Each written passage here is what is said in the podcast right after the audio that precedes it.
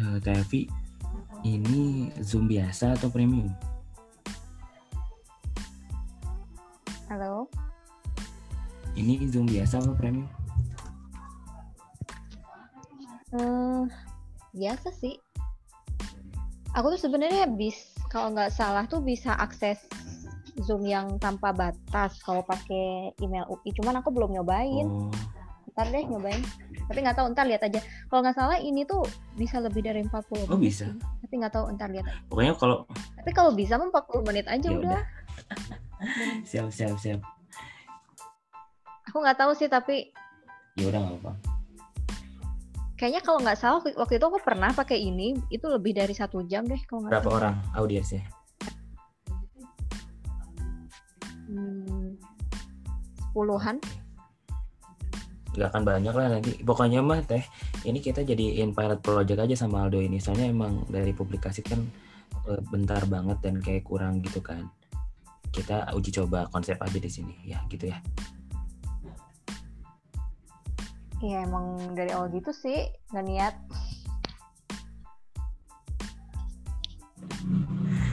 Diniatkan teh.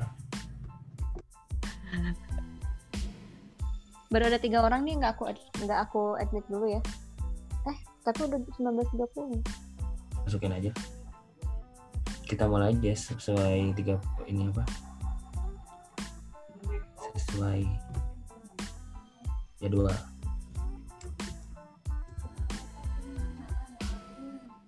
Ya udah nih empat orang.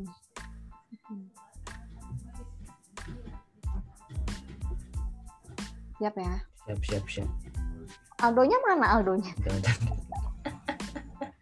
Si Aldo, Aldo, Mundur. Aldo, Aldo masuk dulu.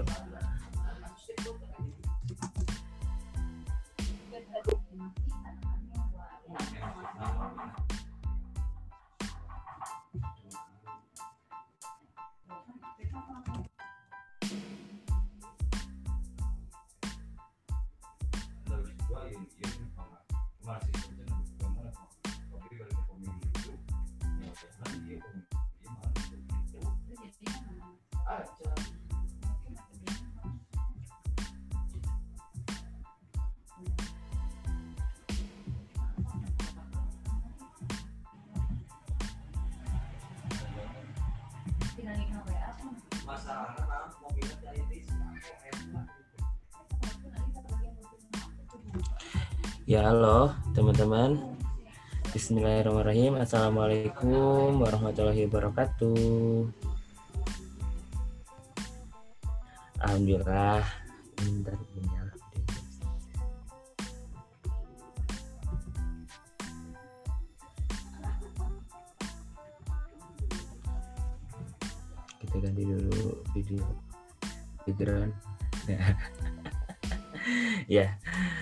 ya teman-teman alhamdulillah eh, sudah pada masuk ya.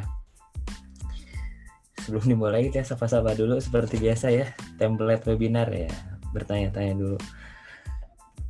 Ada Teh Anissa Yusni ada Khaira Nira Hadi Putri Rian Fikriani. Ini kayak anak karisma nih. Ai Anyus. Aldo TFI oke. Eh, ya ada lagi ya tambahan. Oke teman-teman, eh, selamat datang di eh, bedah bakatnya TM Karir ya. Ini kelas perdana, jadi kita akan maksimalkan saja ya eh, kelas perdana ini dan nanti juga yang akan kita bahas itu teknisnya ya membedah bakat narasumbernya gitu. Jadi kita akan roasting bakatnya Aldo ya pada malam hari ini kita akan bahas bakat-bakat dan produktivitas yang telah Aldo lakukan sebagai narasumber eh, berdasarkan talent mappingnya seperti itu. Kayak gitu ya. Eh, ya insya Allah ini kita akan lanjutkan ya eh, bedah bakat ini dengan talent-talent selanjutnya. Jadi barangkali teman-teman ada yang mau menawarkan diri. Ya eh, apa mau dibedah bakatnya? Ini kayak konsultasi gratis gitu nggak sih TFI ya Bisa jadi, bisa jadi. bisa jadi. Jadi bisa didaftarkan mendaftarkan diri ya bisa eh, sampaikan aja nanti kang saya mau gitu. Jadi kita jadwalkan gitu. Oke oke oke.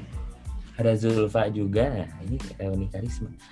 Ada Teh Puspa Kirana. Ini adik adiknya Teh Kiran. Nah, kalau nggak salah kalau nggak salah betul ya. Gitu. Ya selamat datang semuanya boleh ini dong boleh. Kabarin ini Teh Naila dari mana Teh Naila? Sudah bergabung Teh Naila? Teh Khairani dari mana Teh? Kang Akbar. Ya gitu. Ini pada on gak sih? Boleh respon saya. Saya on Kang. Ya gitu saya dong. respon nih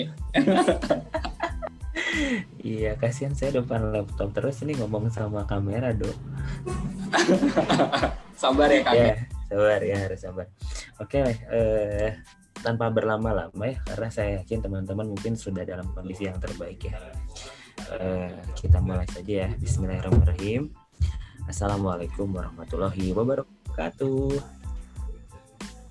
Waalaikumsalam warahmatullahi wabarakatuh Alhamdulillahilladzi arsala rasulahu bil huda wa dinil haqq. Liyuzhirahu ala dini kullih wa kafa billahi syahida.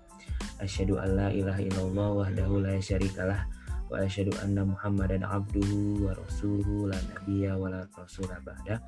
Rabbi sahri sadari wa yassirli amri wa hlul 'uqdatam min lisani yafqahu qawli.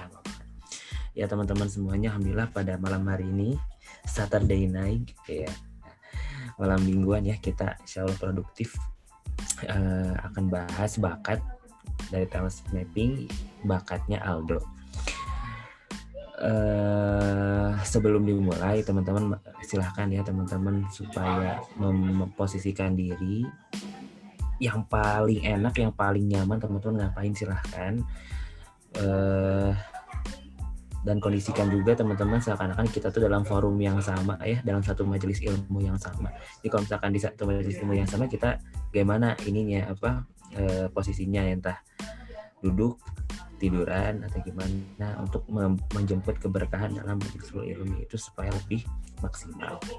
Kayak gitu ya Eh, terus yang kedua silahkan kalau teman-teman tidak ada halangan untuk membuka videonya emang seakan-akan kita dalam eh, kondisi yang memang sama gitu ya seperti itu. Dan lurusin niat ya lupa biar eh, apa ya apa yang kita ikhtiarkan itu jadi ibadah gitu.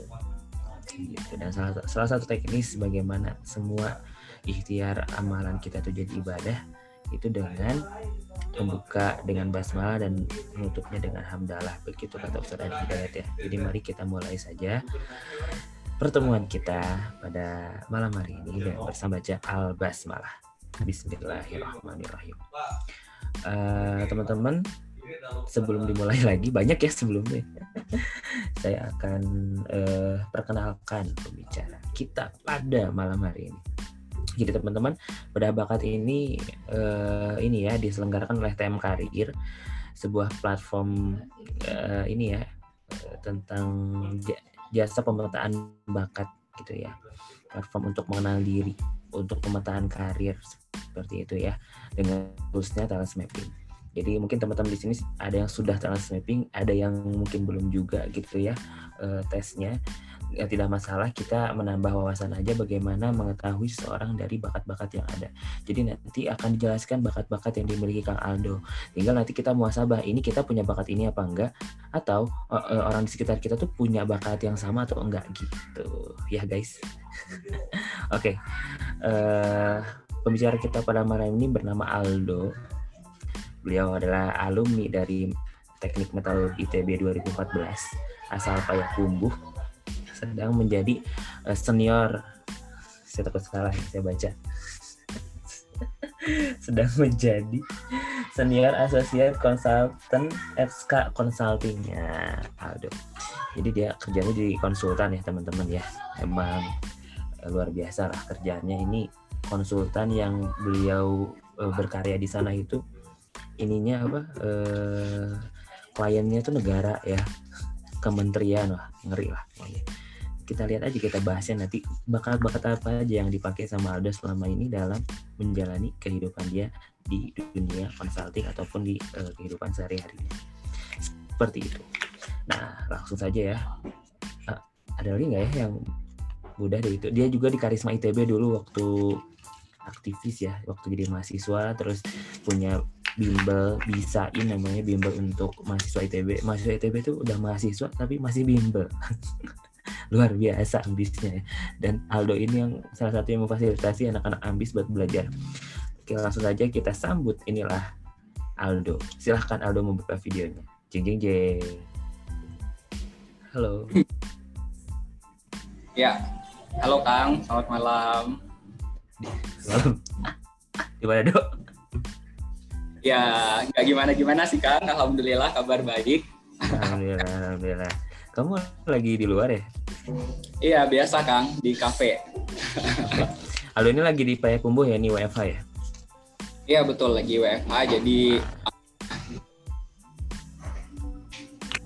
Emang agak-agak ini juga ya, ada agak ngeri ya di Jakarta ya. Jadi mungkin salah satu yang terbaik WFH. Oke, Aldo sudah siap? Teman-teman su- sudah siap ya? Oke, oke, oke, oke.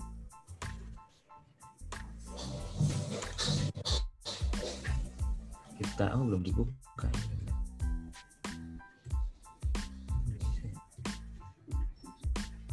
Bentar ya guys. Kita ganti dulu. Aldo megang hasil TM-nya nggak, Dok? hasil TM saya. Ada sih. Ya aku aja lah yang buka nggak. Ini apa hasil TM Aldo. Kita akan bedah ya. Kita dari sini ada urutan bakat dulu. Nah. Siap, siap, siap. Jadi Jadi, nah buat eh, kali ini teman-teman saya akan menjelaskan dulu ya. Di talent mapping ini ada bedah bakat. Jadi kayak perlu dijelasin dulu tentang definisi bakatnya ya, biar kita satu frame. Gitu. Nah, mau nanya dulu tapi menurut teman-teman bakat itu apa? Ini biar frame nih, biar kita satu frekuensi. Boleh do jawab, teman yang lain boleh di chat juga boleh.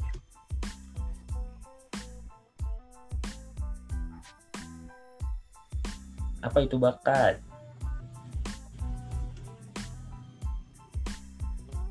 Ada nih di chat. Keahlian, oke. Yang lain, yang lain, yang lain, yang lain. Kata Teh Khairani, keahlian.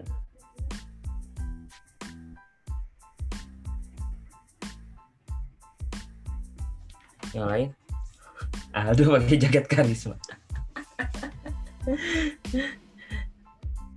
apa Aldo apa Dok meng- eh, mengartikan bakat ini apa? Kata Kang Akbar mem- kemampuan dasar. Saya ikut Kang Isal aja Kang. Oh, ikut ya. Oke. Ya, jadi gini teman-teman ya. Eh, di dalam mapping bakat itu artinya banyak ya. Salah satu arti bakat itu adalah respon tercepat kita pada sesuatu gitu ya. Respon kita, respon tercepat kita pada sesuatu. Gitu. Jadi eh, itu bisa didefinisikan untuk mengartikan bakat. Bukan hanya bukan hanya ini ya ke- keahlian, tapi lebih dasar lagi itu respon. Dan juga diartikan sebagai eh, sifat, juga diartikan sebagai karakter gitu. Jadi bakat ini itu eh, mendasar bukan hanya teknis gitu ya. Teknis itu muncul dari bakatnya. Dasar bakatnya apa? Nah, itu yang yang perlu kita ketahui. Contoh seperti ini teman-teman ya bakat sebagai respon tercepat kita untuk me- untuk merespon sesuatu ya. Misalkan eh, coba teman-teman jawab bareng-bareng ya di kolom chat. Kalau misalkan teman-teman ad- lihat ada yang jatuh di jalan, lihat nih teman-teman lihat di jalan. Apa yang teman-teman lakukan? Respon tercepat teman-teman apa? Boleh eh, klik di kolom chat, eh klik lagi, ketik di kolom chat. Nah, apa ini jawabannya? nolongin Ai auto nolongin ya Ai ya bilang astagfirullah. Teriak dan nolongin. Ada teriaknya dulu nolong teriak teriak dulu nolong. Terus terus yang lain yang lain.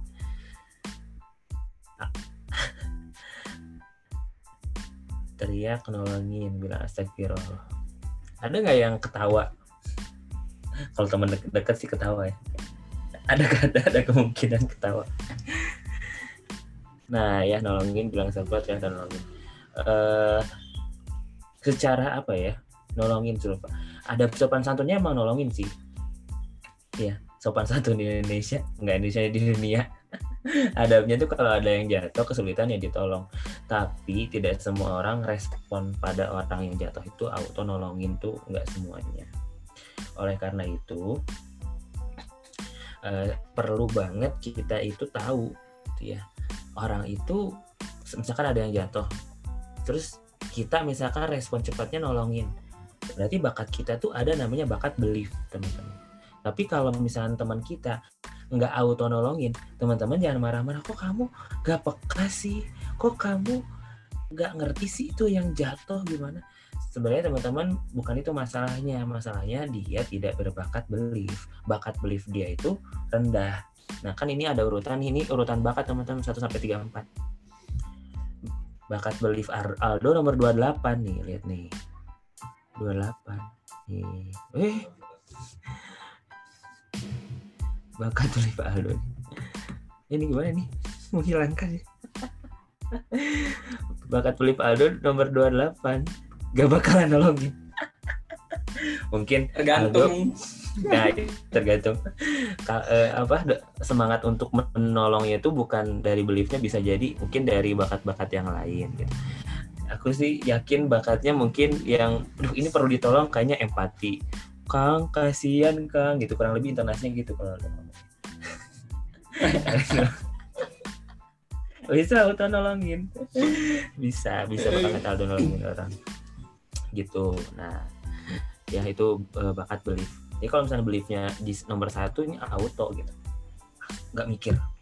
Kalau empati empatinya lebih tinggi daripada belief sedih dulu aduh sedih kasihan. Baru nolong. Kalau beliefnya lebih tinggi bisa no, sambil nolong sedih. Gitu ya nolong dulu baru sedih. Nah itu tentang urutan ya kurang nah kita akan membahas guys bakatnya Aldo di sini. Nanti dari bakat itu tur, eh, dari bakat muncul aktivitas produktif. Dari aktivitas produktif muncul peran. Nanti kita bahas lagi dikit-dikit ya. Oke. Eh, kita bahas eh, tentang bakatnya Aldo. Nah sebelum ini jadi cara bacanya ini 7 tertinggi ya. Ini yang paling kuat 1 sampai 7 terus 8 sampai 14 ini pendukung. Terus kalau sisa ini 28 sampai 34 nih lemah ya. 22 sampai eh 22 eh 21 sampai 27 21 sampai 27 ini lemah. Ini lemah banget ini ini kuat ini kuat banget. Gitu ya konsultasi gratis udah ya. Nah eh, kalau di, Siap. di kalau di poster teman-teman lihat Aldo tuh learner gitu ya. Jadi emang harusnya sih bakat tertinggi ya kata TFI ya. Tapi saya mikir eh, aduh eh, Aldo ini yang kepake banget sekarang tuh bukan relatornya tapi learnernya yang saya tahu gitu ya saya tangkap. Karena kerjaan di konsultan itu begitu banyak sekali hal baru yang perlu dipelajari gitu ya. Nah, jadi kita nanti akan bahas bakat learnernya mendalam juga dan apa yang telah Aldo lakukan dengan bakat-bakatnya. Jadi gini dok teknisnya, aku akan menjelaskan bakatnya apa, nanti eh, dikonfirm sama kamu boleh yes or no-nya karena ini hasil transmapping kamu dan juga apa sih yang kamu rasakan atau apa sih hal produktif yang kamu lakukan dengan bakat tersebut gitu ya. Karena setiap bakat itu produktif, bagus, tinggal kita menjalankan bakat tersebut kita produktif dengan bakat tersebut itu ya. Ada yang bertanya analytical Aldo dikirain tinggi. Ternyata nomor 21 dia itu bukan mengkritisi itu dengan bukan dengan mengkritisi tapi dengan komen. Ya ini kayak Aldo perlu tes lagi. Setelah sekian lama. Ini poinnya itu. Karena ini tahun berapa ya Dok? 2016 kalau nggak salah 16 empat ada empat tahun mungkin setelah jadi konsultan lebih banyak mengenal dirinya nah pertama relator dulu teman-teman ya nah relator itu adalah eh, bakat di mana kalau orang relator tinggi itu eh, senang dengan hubungan yang baik-baik saja, membangun hubungan, berinteraksi sama orang, ya kan. Terus uh, akan bermasalah dan merasa tidak nyaman kalau ada hubungan yang renggang gitu ya. Kalau habis kepanitiaan teh, eh guys jangan live grup, grup ya guys. ya guys sih? Oh, setuju kan? Setelah ada uh, kepengurusan, eh guys jangan live ya. Ih kenapa ini live? Wah orang relator itu sangat terganggu ketika ada yang live dan itu masih masih hubungannya masih terjaga gitu. Ih, kok live sih kok gini segala macam. Apakah ada seperti itu? Uh, ya sih, eh, emang kayak menjaga hubungan dengan orang lain tuh menurut saya paling penting ya. Gak tahu sih dari dulu emang ngerasanya ketika punya teman untuk bisa berdiskusi, ketika punya teman untuk berbagi itu sesuatu hal yang sangat apa ya membuat kita tuh merasa bahagia aja ada kepuasan tersendiri di sana gitu. Dan yang saya rasakan uh, mencoba untuk menjaga lingkaran-lingkaran ter terdekat itu nggak sampai putus gitu ya hubungannya. Contohnya mungkin yang yang sampai sekarang saya coba keep itu misalkan kayak di Tumars Karisma 37 gitu ya jadi kalau misalkan grupnya udah mulai sepi, apalagi nih yang bisa dilakuin biar semuanya bisa interaksi lagi, bisa ada pembicaraan lagi kayak gitu. Kalau enggak ya minimal saya nanya-nanya kabar secara personal gitu ke mereka gitu. Oh, pantesan. Ya ya ya. Oh, kamu nggak chat-chat aku, Dok? Loh, mana mungkin? Ting lo saya tanya. Kok mana mungkin sih? Kan Kang Isal yang ngambek sama saya waktu itu. Muka aib lagi di sini. Kan udah nggak ngambek. ya berarti kan saya masih sering chat kok. Iya iya iya iya. Iya iya iya iya. Bawa urusan dapur ya. maaf maaf Teh. Sorry Teh. Maaf Teh Bi. Enggak nyantai nyantai. Iya, saya merasa saya merasa tidak dicat soalnya sama Aldo berarti saya di, uh, di apa uh, kelas klasternya hubungan yang tidak baik-baik saja berarti ya? Ya paling enggak saya biasanya komen story kang. Kalau udah lama nggak komunikasi mulainya kayak oh dia ada story nih ya udah saya komen aja biar ada nggak pernah komen juga anda? Sering tahu. Komen saya kapan? Definisi definisi seringnya sering apa dulu nih?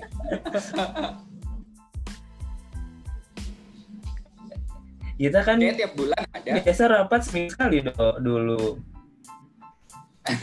Ya sekarang kan Dia lihat di story chatnya nih. Keseringan ya? Oke itu relator Aldo ya. Apa uh, apa ya? Uh, apa sih yang kamu rasakan gitu. Ketika hubungan tersebut baik-baik aja kamu masih tetap keep in touch gitu apa sih yang kamu rasakan?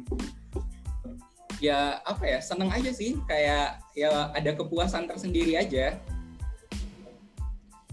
Lain biasanya kayak hmm? saya rasakan ketika kita merasa apa ya nggak kerjakan sesuatu yang membuat kita bahagia tuh ya berarti kayak ya udah gitu ngelakuin aja tanpa ada uh, suatu tekanan apa pun gitu. Hmm, mantap mantap mantap ya. Uh, berarti dari tadi kan Aldo bilang dari relator ini tuh sebenarnya ada uh, apa ya apa nih yang bisa dikerjain gitu ya kamu mikirnya gitu tadi apa nih yang bisa digarap bareng-bareng gitu kan ya nah apa sih misalkan karya atau bisnis atau apa sih yang kamu uh, bikin gitu ya dari hasil relator kamu ini gitu uh, contoh sederhananya itu di asrama Salman. Dulu kan hmm. waktu di asrama Salman saya itu bagian fundraising. Jadi emang karena di asrama ada nyiap nyiapin lah terkait dengan ada kantin kejujuran ya di asrama. Nyiapin apa sih kayak makanan-makanan yang bisa kita di asrama. Nah itu kan awalnya kita berempat tuh dari asrama Ikhwan berdua terus dari asrama Akhwat berdua. Cuma fundraisingnya emang digabungin gitu ya untuk kebutuhan kegiatan-kegiatan asrama misalkan kayak kita mau ada acara perpisahan atau ada acara kegiatan keluar gitu bisa dari dana itu. Nah terus setelah itu merasanya kayak loh kita udah seru nih gitu ya udah akrab gitu ya sama orang-orangnya. Jadinya saya merasa kayak jangan berakhir di sana aja jangan berakhir di asrama aja gitu. Akhirnya setelah selesai kepengurusan di asrama kita coba ayo dong kita coba bikin bisnis kita sendiri apa yang bisa kita bikin gitu ya. Terus kita mulai diskusi sebenarnya banyak habis waktunya cuma buat diskusi-diskusi doang sih Kang yang penting tuh cuma ketemu terus diskusi udah walaupun kayak akhirnya bisnisnya baru jalan setahun setelah itu gitu akhirnya kita bisa bikin bisain tadi yang kayak bimbel buat anak-anak TPB tadi itu dari teman-teman fundraising asrama Salman waktu saya di asrama dulu Itu tahun 2007 eh 2016 ya, 2016. Hmm. Iya iya iya. Grupnya masih aktif gitu walaupun kayak eh, bimbelnya kan stop ya karena corona juga, tapi yang penting ya udah kita diskusi-diskusi aja gitu. Oh, jadi bisnis adalah eh, alasan terselubung yang penting masih keep in touch gitu ya. Iya, betul betul. Ini kayaknya kayaknya apa pola-pola setiap orang relator mungkin beda-beda ya. Kalau Aldo mungkin dengan memang ada ketertarikan dalam dunia bisnis, ya udahlah ini bisnisin aja lah gitu. Mungkin ada juga bisa jadi orang kalau relatornya tinggi tapi dia nggak ada background bisnis, nggak ada minat bisnis, dia bisa jadi eh, apa cara dia mengkipnya dengan cara lain gitu. Bisa jadi ya, gitu-gitu. Mantap mantap. Ini relator ya teman-teman tuh ya. Orang relator ingin sekali eh, hubungannya tuh keep in touch terus baik-baik saja. Jadi kalau misalkan kesal sama Aldo, ya hubungannya tidak baik-baikin aja gitu. Nanti tidak nyaman sendiri. Gak deh. Relator ya. gitu. Nah, Kita bahas sampai tujuh aja ya, Do ya. Kalau waktunya cukup dilanjutin nanti. Eh, nomor dua komen.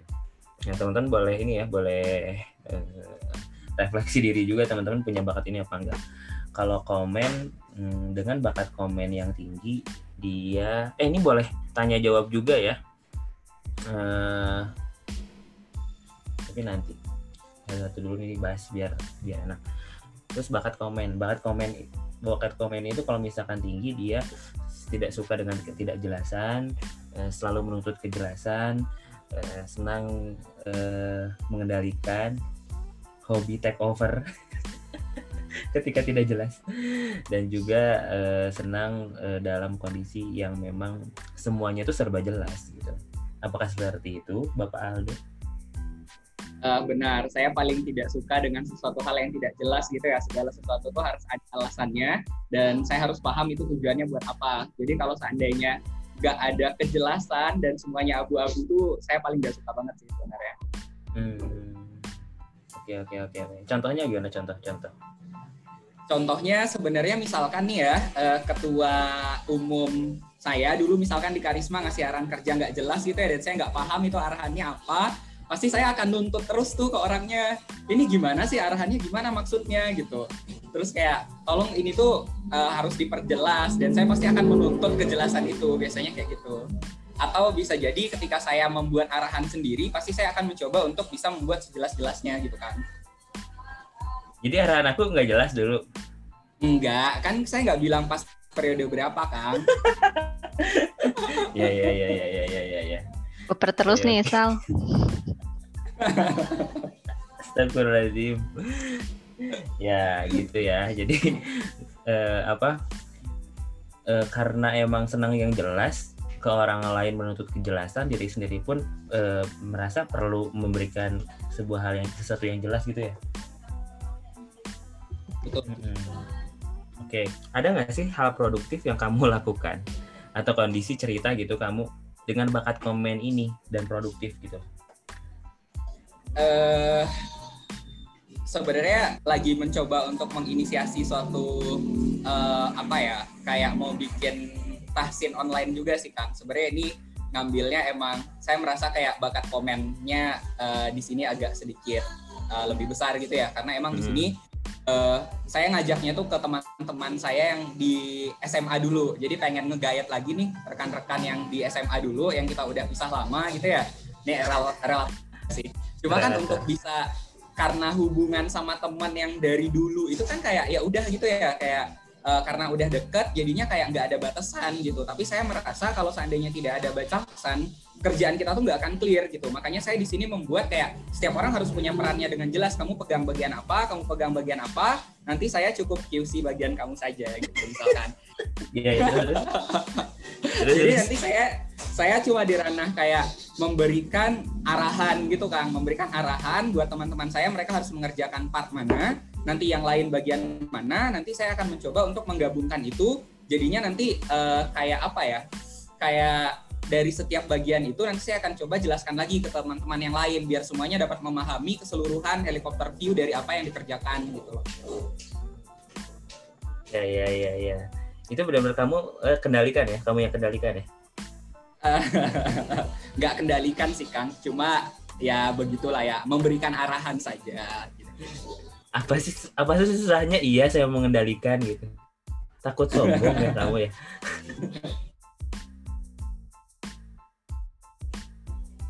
tapi uh, sedang sedang ini ya benar-benar sedang produktif si komennya ini dalam ranah tadi ya uh, pembuatan tahsin online tadi ada nggak kendala-kendalanya? Nah ini nih seru nih. Ada nggak sih kondisi di mana bakat komen kamu tuh kambuh gitu? Kan tadi kan kebutuhannya itu sesuatu yang khas. Gaji. Ya kadang kadang kan teman-teman saya itu karena mungkin ini juga priority mereka gitu ya karena mereka juga mungkin punya pekerjaan lain punya kesibukan lain.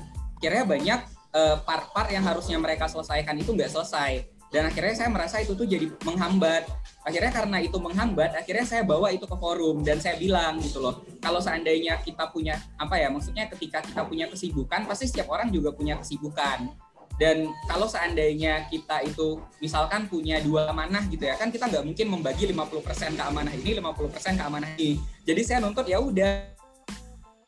Karena ketika mereka itu mengorbankan salah satu, otomatis ada orang yang harus menanggung 50% yang nggak dia kerjakan gitu. Akhirnya saya bawakan kayak gitu ke forum dan saya tegaskan di forum dan saya minta kejelasan. Ini mau dibawa ke mana? Kalau seandainya kalian nggak ya udah kita stop aja saya cari orang lain yang bisa menyelesaikan ini kayak gitu oh. komennya komennya bangkit tapi setelah beberapa menit relatornya muncul lagi kan terus kayak guys jangan baper ya gitu buat menutupi itu kasian jadi sering kontradiktif gitu gak sih dok? Aku tuh harus tegas, harus gini, tapi relator sering gak sih kayak gitu? Uh, Sebenarnya selanjutnya saya bakalan PC dulu orang-orang yang menurut saya itu gampang tersinggung. Saya akan sampaikan dulu ke mereka, saya akan bawakan ini ke forum gitu loh. Jadi saya udah apa sih kayak tindakan preventifnya dulu gitu. Biar hmm. mereka lu shock ketika tiba-tiba si sayanya bertindak kayak gitu gitu. Si sayanya. nah, berarti itu relator komen emang kamu udah bisa mengendalikan itu ya berarti kamu se sebelumnya banyak banget dong pengalaman relator komen ini bertolak belakang bukan bertolak belakang ya jadi bersinggungan terus akhirnya kamu tak punya pola seperti tadi ya iya kang. Itu yang saya dapatkan di karisma ITB sih sebenarnya. Oh, gimana? Boleh cerita nggak? Nah ini seru nih. Eh, aduh. Ya seperti yang kita tahu ya mungkin karena karisma itu berbasis kekeluargaan tapi harus ada hal-hal yang sifatnya apa ya profesionalitas yang harus dikerjakan gitu ya. Dan ketika menjadi ketua di karisma itu harus benar-benar bisa nge-manage banget mana yang berhubungan uh, dengan personal orang-orangnya atau mana yang harusnya itu menjadi tanggung jawab masing-masing orang. Jadi uh, ketika kita memberikan sesuatu arahan untuk mengerjakan suatu kegiatan yang menjadi tanggung jawab si A misalkan dan kemudian dia uh, agak lalai dari tugasnya gitu ya kan sebagai seorang pemimpin harusnya di sana kita bisa menegaskan terhadap tanggung jawabnya dia. Tapi di satu sisi ada lagi hubungan personal kita dengan orang itu yang harus tetap dijaga. Jadi kayak itu saya paling banyak belajar banget uh, waktu di karisma gitu. Karena emang karena kita organisasinya berbasiskan kekeluargaan dan sifatnya mungkin semacam volunteer ya orang-orang yang ada di sana tuh dengan kemauan ya. Maksudnya kayak sukarela mereka untuk ada di sana kita juga nggak bisa meng punish mereka karena mereka tidak menjalankan fungsinya dengan baik gitu. Akhirnya emang kayak sisi uh, relator ini harus tetap ditonjolkan untuk bisa menjaga hubungan dengan mereka agar tetap mau uh, berkontribusi gitu. Jadi emang banyak belajarnya di sana untuk bisa menyeimbangkan antara relator dengan komen ini. Gitu sih kang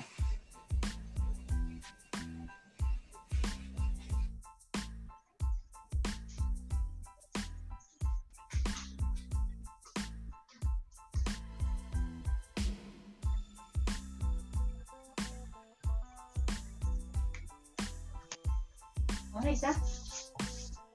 Ang talima ko yun, sige ba siya pa to. Sampai sampai. Ya, pasti ya.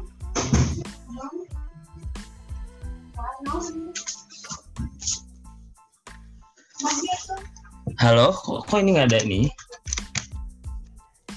Halo, halo kak. Nah, nah Jadi ya, jadi memang eh, pengalaman itu yang membentuk gitu. Pengalaman itu yang jadi bekal ya sehingga sekarang bisa lebih bijak lagi ya dalam menghadapi hal seperti itu. Oke. Lanjut nih. Relatornya jelas, komen komennya jelas arahnya. Jadi teman-teman tanpa teman-teman berinteraksi sama Aldo, kita udah tahu Aldo ini orangnya seperti apa ya, luar biasa.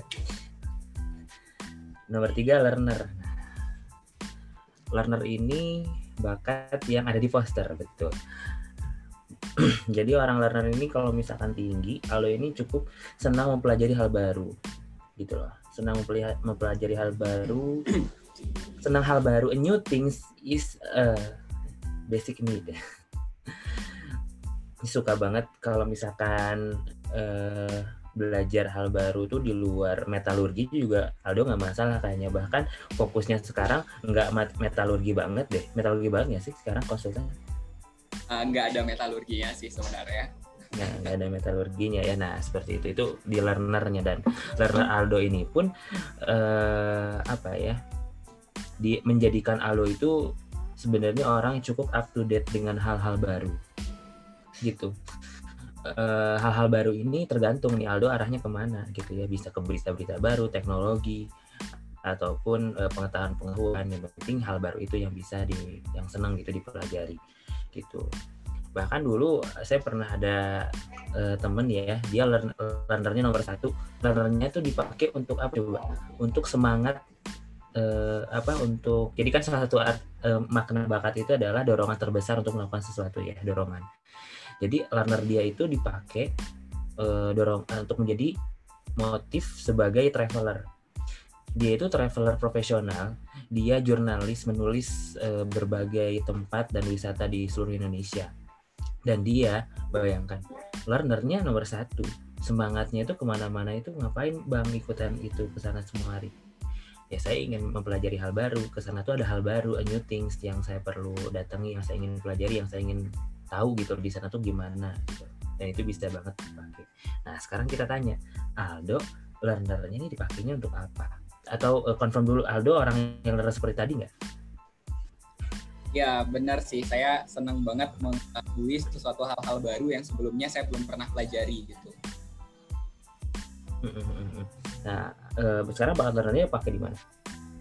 Sekarang kebanyak kepakainya emang di kerjaan sih Kang, karena emang basicnya konsultan dan saya di strategic management ya, otomatis kita itu eh, bakalan beda-beda banget tuh tiap project yang kita handle. Kadang kita beda industri, kadang bisa jadi kita masuknya ke infrastructure, kadang kita bisa masuknya ke financial institution, atau bahkan ke industri-industri lain yang sebelumnya kita belum pernah apa ya, belum pernah eh, belajar gitu ya. Makanya kayak di sini jadi hal yang menarik aja ketika saya bisa tahu oh ternyata ketika di bisnis perumahan oh sistemnya tuh seperti ini ya ternyata dan ternyata belajar tentang finansial ternyata untuk kita berinvestasi itu ternyata kayak gini ya metode-metodenya atau cara-caranya tuh seperti ini dan ternyata bisnisnya mereka kayak gini ya cara mengembangkannya jadi ya banyak belajar hal baru aja dan itu kepake banget Alhamdulillah. Nah, memang eh, ya. Nah, memang eh, learner ini pun jadi modal ya di mana ketika beraktivitas di dunia yang tidak sesuai dengan eh, apa ya bas- basis pengetahuan perkuliahan kita itu ngebantu banget sih kayaknya gitu nggak dok? iya berasa banget sih Eh, karena Berasa. emang kalau seandainya nggak ada kemauan gitu ya untuk mau belajar lebih untuk mengetahui hal-hal yang baru mungkin itu akan jadi suatu hambatan karena jadinya kan kayak mau nggak mau kita harus belajar itu gitu ya tapi kalau Hmm. kita belajar terpaksa ya emang bisa sebenarnya tapi seberapa cepat kita untuk bisa mengerti itu pasti akan berbeda dengan orang yang emang punya kemauan untuk memahami itu gitu. Hmm, ada nggak sih teman ka- kan ini kita berbicara ruang lingkup lah. Teman kamu satu divisi misalnya sama-sama konsultan di consulting kamu itu terus kamu melihat kayaknya dia learnernya nggak nggak tinggi deh. Kayak agak berat gitu untuk mempelajari hal baru. Terus kayak agak eh, sulit gitu un- untuk menerima konsepan-konsepan yang tidak sesuai dengan apa yang dia pelajari sebelumnya ada nggak? ada sih emang ada yang kayak gitu jadinya emang kalau kalau dia yang seperti itu biasanya kayak membatasi jenis kayak apa ya kayak dia membatasi jenis project yang mau dia kerjakan Jadi misalkan Hmm. karena emang dia basic dulunya di jurusan ekonomi misalkan ya, jadi dia maunya megang project itu yang ada hubungannya dengan itu atau dia bisa memberikan itu agak agak agak jadi kesusahan ketika emang dia nggak punya pilihan untuk masuk ke project yang ada Oh, akhirnya terbatas juga ya eh, area berkarya dia ya di dunia consulting itu ya. Iya bisa sebenarnya itu bisa diakali juga karena kan sebenarnya nggak full Hmm. harus semuanya untuk belajar gitu ya. Ya kayak kita bisa ngebagi part siapa yang akan mempelajari ini, siapa yang akan memegang fungsi bagian lain karena kan mungkin dalam satu tim itu kita bisa bagi-bagi Oh, iya, peran betul. sebenarnya. Oh iya, aku mau nanya, learner ini kan kebutuhan mempelajari hal baru. Kamu pernah nggak sih kayak punya semangat, ih pengen belajar hal ini, ih pengen belajar hal itu, segala macem di kayak ke kamu tuh ngerasa pengen belajar gitu. Karena ngelihat fokusnya rendah, nomor 24. Kamu ngerasa segala macam dipelajari gitu nggak? Eh, iya sih, saya sebenarnya kayak pengen belajar semuanya gitu ya. Kalau bisa saya memahami semua yang ada gitu. Jadi kayak kayak udah belajar ini dikit kayak eh kayaknya ini gak cukup deh, mau yang lain deh gitu. Terus ganti topik lagi. Terus lagi ini oh balik lagi kayak gitu. Kadang saya suka kayak gitu. Tapi emang kayak pengen belajar lagi lagi lagi gitu. Hmm. Lucu. Oke oke oke oke oke.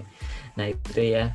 eh ada nggak sih kayak yang kamu pelajari tapi di luar konteks pekerjaan kamu atau yang kamu butuhin? Ya pengen belajar aja ini ada nggak?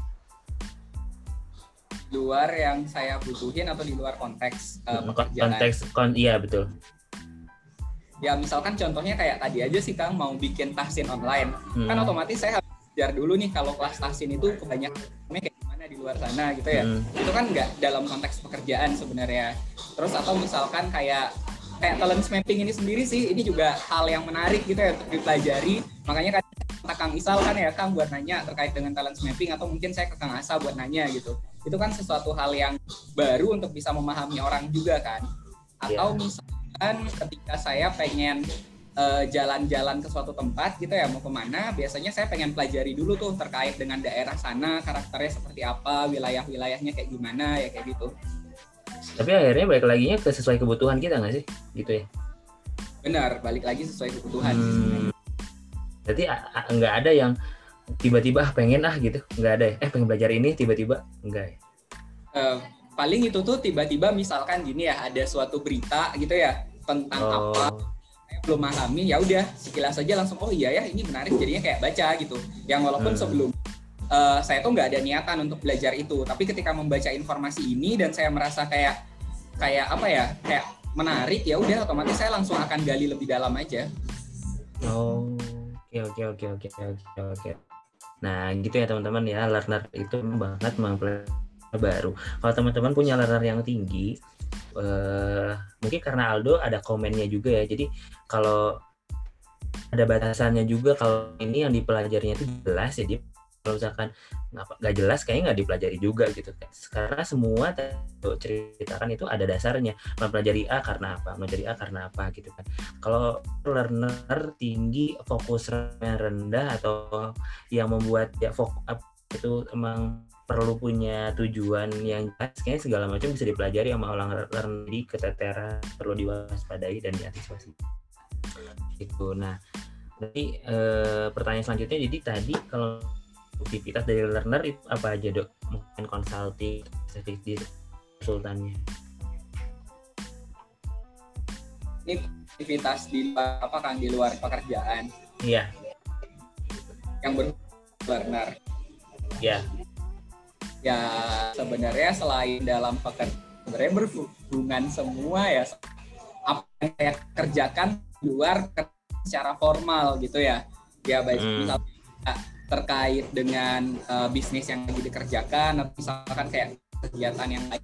Contoh misalkan kayak eh, bimbel nih misalkan sekarang kan lagi nggak jalan otomatis kayak eh, biasanya saya coba ya informasi-informasi gimana sistem-sistem yang sekarang terus saya coba pelajari kayak model-model bisnis yang dipakai oleh bimbel-bimbel online yang sekarang kayak gitu ya. Emang balik lagi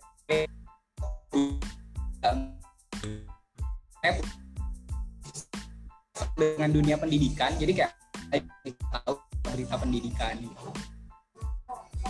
kamu suka dunia pendidikan yang juga menjadi seorang konsultan. Emang goals kamu mau jadi apa sih dok? Eh, goals ya Kang. Sebenarnya kalau didefinisikan goals sebenarnya saya punya tiga Kang. Eh, yang pertama itu saya pengen menjadi seorang pengusaha, otomatis pebisnis ya, karena saya merasa pengen bisa enggak sih, saya merasa nggak senang diatur, saya lebih senang dan saya mungkin lebih punya waktu nggak bisa membuka lapangan buat orang lain gitu. Terus yang kedua yang di uh, pemimpin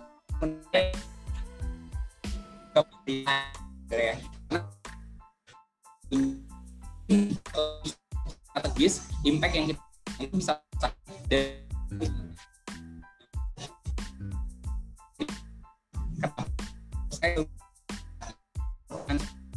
ya dan saya sangat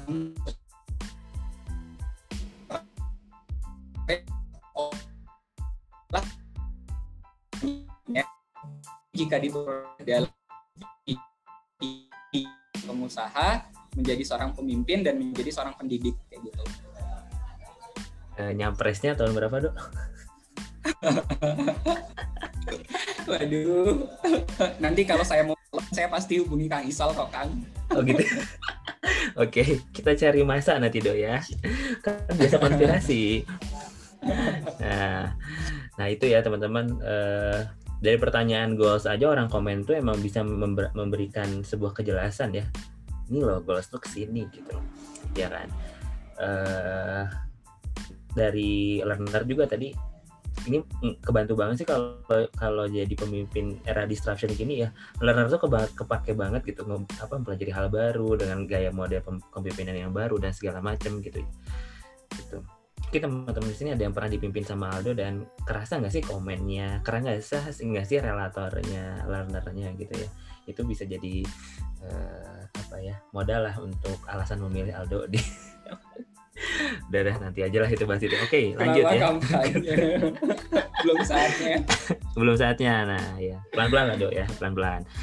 Ini learner tadi. Oke lanjut ke ideation Eh, ideation kalau tinggi dia senang senang mengungkapkan ide memiliki gagasan hobi brainstorming gitu loh ideation tuh. Karena di dalam brainstorming itu akan muncul gagasan-gagasan gitu loh. Dan kita pun bebas memberikan gagasan-gagasan yang kita pikirkan gitu. Dan orang ideation punya kebutuhan ruang untuk mengungkap eh, ide dan gagasan yang dia miliki juga gitu loh. Selalu apa ya kalau kata Evi itu orang ideation tuh punya eh, apa ya selera seni yang tinggi kata Teh Evi. Jadi eh, kalau misalkan untuk hal-hal yang memang ber, me- apa ya berbau tentang kalau seni itu apa sih? Kelihatan estetik. Kayaknya orang ideation tuh memang punya bakat modal bakat di sana. Apakah anda seperti itu dok? Eh, kayaknya bakat ideation saya ini berguna untuk jadi netizen ya Kang ya. suka komen, nggak ding.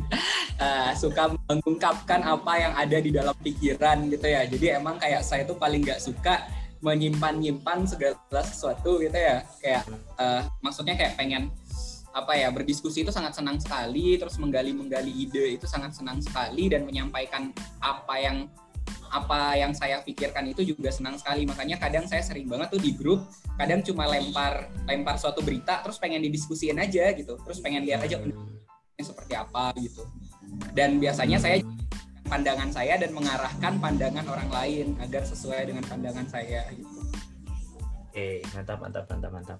Ya kayak gitu. Jadi kondisi apa orang dengan ideation tinggi ini. Eh teman-teman btw kalau mau nanya nanya dulu aja ya. Nanti kita bahas di eh, kolom chat. Eh, ideation ini hmm, kan tadi emang salah satu produk dari ideation itu adalah ide ya, ide. Tadi kan dilempar ide gitu ya, dilempar ide. Kayaknya kalau misalkan eh, saya juga ngerasain saya ada ideationnya juga kalau ide kalau saya punya gagasan pemikiran nggak tersampaikan tuh kayak duh ganjel gitu bos duh nggak enak gitu nah aku mau tanya nih hmm, ide apa sih yang sekarang tuh itu tuh ide dari Aldo dan gini ya beda. Gini kadang kadang orang tuh mikirnya Kang saya ideation tapi saya banyak yang tidak tereksekusinya. Eksekusi itu bakat lain gitu. Ideation itu pure di idenya gitu kemampuan kita ngide. Nah pertanyaan saya adalah eh, ide apa sih yang fresh yang kamu tuh lagi pikirin atau kamu tuh baru kepikiran atau kamu udah sumbangsihkan ke tim kamu atau apa? Ada nggak Ini dalam hal apa ya? Tim yang mana dulu Kang? ya bebas kamu mau tim yang taskin atau yang tim eh, consulting bisain Eh, ini eh, terkait dengan tahsin. Idenya ide pebisnis banget ini ya. Jadi saya mikirnya kayak eh, kan kayak kebutuhan tahsin itu mungkin lebih banyak dibutuhkan di kota-kota besar nih. Jadi karena emang mungkin kayak tingkat buta huruf Al-Qur'an pun itu mungkin lebih banyak eh, itu tingginya di daerah perkotaan dan emang kayak eh, di zaman sekarang tingkat apa sih kayak bimbel itu udah menjadi sesuatu hal yang normal aja di kota-kota besar gitu. Jadinya kayak saya menargetkan untuk marketnya itu yaitu orang-orang di kota-kota besar kayak Jabodetabek gitu ya Bandung dan segala macamnya. Tapi untuk bisa menghemat nggak menghemat sih, memperbesar profit yang kita dapatkan, saya Iya. ya udah kita cari aja guru ngajinya yang dari kampung-kampung yang UMR-nya rendah gitu. Bang jahat emang si Aldo jahat itu aja. karena misalkan nih standar misalkan di Payakumbuh untuk guru ngaji misalkan itu eh, berapa misalkan taruhlah 25.000 per jam misalkan kayak gitu. Nah, dengan dengan standarnya misalkan kalau kita di Jakarta itu bisa jadi 75.000 per jam gitu ya. Maka saya ambil misalkan kayak di harga 40.000 per jam untuk ngegaji guru-guru yang dari daerah kan itu udah menguntungkan buat mereka. Sementara kita juga untung profitnya lebih tinggi gitu. Lo KLC itu berapa lo sejam? Bandung offline itu berapa sejam lo? Empat puluh ribu.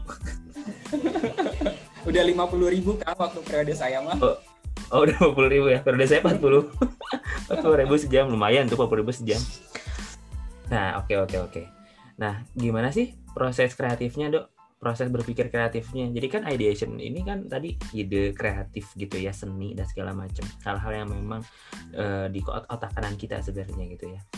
Nah gimana proses berpikir kreatif kamu dok gitu sampai nemuin sebuah ide gitu. Waduh, sulit sekali pertanyaannya ya. Ini harus mem mendetailkan bagaimana otak berpikir gitu ya. ya biar biar kita kebayang aja orang ideation tuh mikirnya tuh dari mana ke mana gitu. Sebenarnya balik lagi sih Kang, biasanya saya pengen lihat dulu end goals-nya kita apa. Jadi tujuan akhir yang mau dicapai di kanannya itu apa. Jadi dari sana baru saya coba breakdown apa aja opsi-opsi yang mungkin untuk bisa mencapai tujuan akhir tadi.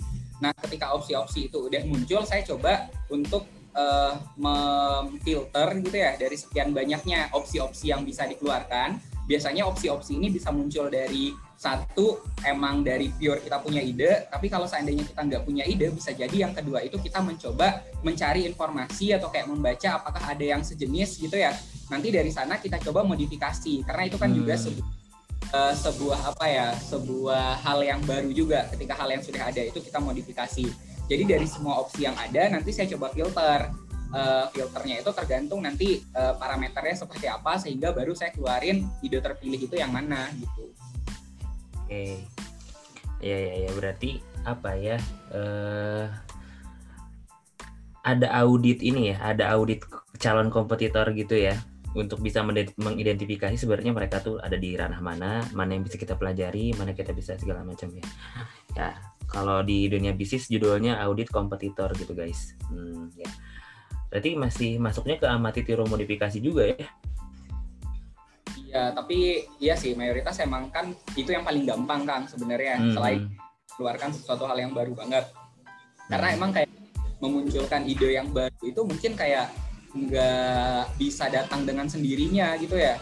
Tapi- Eh bisa datang dengan sendirinya pada waktu yang mungkin belum tentu di saat yang kita butuhkan gitu loh. Jadi Ya, emang ya, kayak ya kadang muncul aja itu ide gitu loh. Jadi susah juga bagaimana mendefinisikannya gitu. Hmm, terus ide, ide kamu ini juga berdasarkan pengalaman kamu juga ya informasi yang kamu dapatkan. Contoh eh, yang aku lihat tadi polanya si tahsin ini tuh sebenarnya ya KLC yang ditahsinkan dan kan gitu kan, Betul. ya kan. Mm-mm. Sain adalah KLC. KLC itu teman-teman Karisma Learning Center kayak bimbel gitu buat anak-anak remaja di Kota Bandung yang emang diurus sama anak-anak Karisma waktu waktu kita aktif di Salman ya Do ya.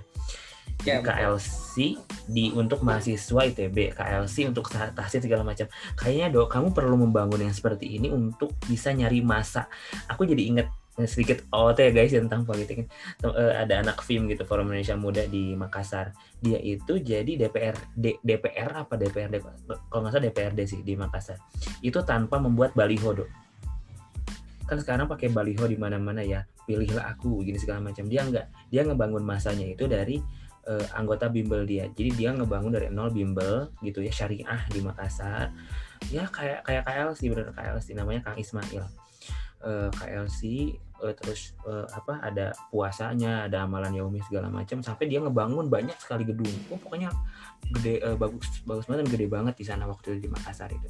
Akhirnya dia ada eh, ini ya ada kecenderungan politik lalu dia maju dan dia nggak pakai baliho sedikit pun yang di banner yang di print itu tapi dia menggunakan jejaring anak bimbelnya dan masya Allah sekarang dia pun jadi DPRD gitu mungkin itu bisa kalau kamu emang senang di situ do itu jadi benchmarking juga sih kayak menarik kang menarik. Nanti aku kasih kontaknya ke kamu biar kamu ajar langsung kalau kamu tertarik. Ya iya over jadi kayak gatel gitu kalau ada potensi yang duh gitu. Nggak bisa melihat sebuah potensi yang mubazir. Oke itu ideation. Lanjut includer ya. Includer. Nah ini menarik. Ini kerasa banget sih. Includer itu eh, orangnya eh, apa ya senang membangun tim orangnya tuh inklusif bisa masuk ke mana pun ke siapa pun. Eh, tidak memandang dia tuh orangnya kayak gimana segala macam. Rasnya apa? Ini rasnya unpad ini rasnya UI ya. Dia tidak masalah ya. Ini kalau kalau di luar negeri baru ya kayak ras itu nggak kerasa. Wah dia negroid dia mongoloid segala macam. Tapi Indonesia tuh kita sadar nggak sadar kita meraskan orang tuh berdasarkan latar belakang loh. Dia mah orang eh, dia mah itu tuh udah ras menurut saya sih tapi Aldo itu inklusif dia tidak eksklusif. Jadi bisa masuk ke berbagai golongan. Wah ini politisi cocok sih. Terus eh, bisa banget membangun tim dengan baik gitu. Good team builder gitu. Eh, bisa membuat timnya itu menjadi tim yang memang kompak dan selalu berusaha dan memikirkan bagaimana setiap anggota tim itu memiliki kontribusi di dalam timnya merasa gue tuh wah kontributif nih gue tuh ada di sini dan Aldo tuh bisa membuat setiap orang dalam tim tuh merasa seperti itu apakah seperti itu dok? Iya sih, saya paling eh, apa ya, kayak emang buat apa ya, nggak pengen membeda-bedakan orang sih, pasti itu emang kerasa banget. Terus kayak di dalam tim emang kayak melihat bagaimana potensi masing-masing orang, sehingga menurut saya eh, apa yang harusnya dikerjakan dia itu sesuai juga dengan apa yang dia senangi. Jadi contohnya misalkan di Tumars 37 itu saya biasanya udah bisa ngeliat nih kalau seandainya bagian untuk teman berdiskusi itu biasanya saya dengan si A dan si B gitu ya. Terus saya bagi perannya si C gua dan si D ini bagian notulensi misalkan kayak gitu. Terus nanti ada perannya si E sama si F bagian hura-hura biar grup yang lagi panas diskusi debat A B C si A sama si, eh, si D sama si E ini nanti untuk meramaikan jadinya kayak turun lagi tuh flow-nya nggak serius-serius banget kayak gitu. Jadi emang biasanya kayak gitu sih kak. Oke, kayaknya itu eh, ini juga ya apa kombinasi bakat individualization. Ini Nah, aku agak loncat aja ya, karena tadi ya karena sudah tahu nih orang ini gimana ya, kayaknya bagi Aldo setiap orang tuh udah punya perannya masing-masing buat hidupnya Aldo. Ini si Kang Isal tuh perannya ini, tahu nih keunikan nih Kang Isal potensinya apa, Kang- saya akan menggunakan Kang Isal untuk apa. Ini Aldo udah tahu, tapi saya nggak tahu nih dia mikirnya apa. dia tahu. Iya gak sih dong? Iya Kang benar dan saya Nah. selalu menempatkan diri sesuai dengan peran orang-orang di sekitar saya biasanya. Oh gimana tuh? Ya misalkan kayak kayak sama Kang Isal itu kan tempat yang nyaman ya Kang Isal tuh pendengar yang baik. Jadi biasanya saya merasa kayak kalau bagian saya mengeluh, bagian saya marah-marah, saya akan lari ke Kang Isal gitu loh. Tapi misalkan kayak Kang As, kalau Kang As kan tipikalnya beda gitu Ini- ya. itu biasanya saya gunakan buat teman jalan-jalan, teman main-main, teman hura-hura kayak gitu. ya guys, aku nggak pernah diajak malah jalan-jalan sama si Aldo nih ke Bogor sama siapa dok sama Asa oh sama Asa mau ke mana dok? Ke Nangor sama Asa. Ya sih tapi aku ngerti ini sebuah bocoran ya teman-teman. Jadi Aldo ini kan ketua karisma ITB setelah aku. Nah aku tuh punya rasa beban moral gitu loh. Aduh aku ninggalin Aldo aku nggak mau deh ninggalin Aldo gitu. Kasihan ya gimana. Dan aku yang menjerumuskan dia ke karisma dan menjadi ketua. Akhirnya kayak hampir setiap minggu tuh aku tetap ke Salman tapi untuk ngobrol sama dia tuh bukan ngasih arahan. Enggak aku tahu dia udah tahu lah uh, how to solve the problem tuh dia udah lebih mahir lah udah tahu. Tapi saya tuh jadi tempat marah-marah doang. Ini kenapa sih orang ini kang? Lalalalala bb bb bb gini gini. Dan itu terjadi benar-benar. Aku kebayang ngerasa banget oh iya emang emang fungsi saya di hidup Aldo ini ini. Jadi ya mumpung saya tahu bermanfaatnya saya untuk orang apa ya saya maksimalkan saja nah Aldo tahu betul itu karena individualisasinya cukup tinggi jadi tahu keunikannya. Oh nih teh Evi ini gimana dan potensinya apa dan bisa dimaksimalkan untuk apa Aldo tahu gitu. Oh siapa gitu Zulfa. Oh Anyus gini. Aldo tahu betul. Makanya eh, apa ini kombinasi yang menarik sih ada individualisation dan includer sehingga membangun timnya itu sesuai dengan karakter masing-masing luar biasa ditambah empati. Sebenarnya Aldo ini bukan orang yang ambis ya tapi benar-benar lemah lembut. Ya, lemah lembut. Bayangin ada relatornya includernya empati individualization harmoni. Wah jadi Aldo tuh pasti banyak banget pertimbangan tentang perasaan orang-orang di sekitarnya gitu. Cuma memang komennya ini yang mengalahkan. Nggak sih mengalahkan sih benar-benar menegaskan segala hal ini tuh perlu A perlu B perlu C tetap gitu. Itu tuh karena nomor dua yang lebih tinggi. Ya sisanya tetap halo tetap harmonis tetap includer lah luar biasa. Gitu nggak dok? Aduh saya nggak bisa berkata-kata kayak emang faktanya kayak gitu gitu ya. Gitu. karena pasti di setiap saya mengambil keputusan tuh pasti selalu bimbang antara dua hal itu gitu ya antara menegaskan sesuatu dengan dengan memperhatikan perasaan orang-orang yang terlibat di dalam itu juga gitu. Akhirnya kayak uh, beratnya di sana tapi ujung-ujungnya kayak ini tuh harus kayak gini. Ya udah hmm. akhirnya saya dulu nanti baru belakangan. Gimana biar tetap hubungan ini terjalin dengan baik gitu. Betul betul betul betul. Nah gitu ya guys ya. Itulah inclusion sama sama individualization. Mungkin terakhir nih responsibility ya kita bahas. Ternyata waktunya cuma uh, cukup sampai tujuh. Tinggi aja ya dong nggak apa-apa ya nanti kalau ada mau next lagi ya kita bahas part 2 Aldo nah kita bahas responsibility dulu responsibility itu senang dipercaya tidak mau mengecewakan dan dikecewakan dan selalu punya dorongan untuk menyelesaikan sebuah tugas yang diberikan begitu nggak dok? Ya, hmm. sangat. Gitu ya. Uh, ada hal produktif apa? Kalau berarti kan responsibility itu kan uh, produktivitasnya di amanah ya, di tugas. Betul. Uh, boleh dibilang, eh enggak, boleh nggak aku bilang kalau tugas itu kehormatan, dok? Benar, benar. Hmm, nah, apa tugas yang menurut kamu yang sekarang tuh benar-benar terhormat yang kamu lagi jalanin?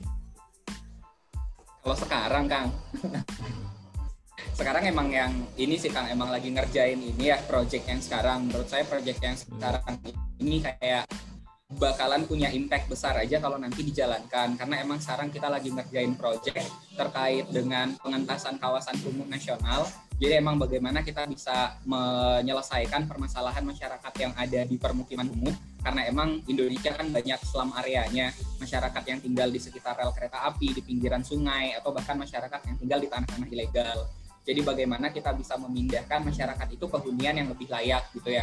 Dan saya merasakan ketika eh, pekerjaan ini bisa dilaksanakan, dilakukan dengan baik gitu ya akan memberikan dampak yang cukup besar gitu ya buat banyak orang gitu. Hmm tapi ya, emang alhamdulillah rasanya juga bebannya berat sih sebenarnya karena emang iya sih.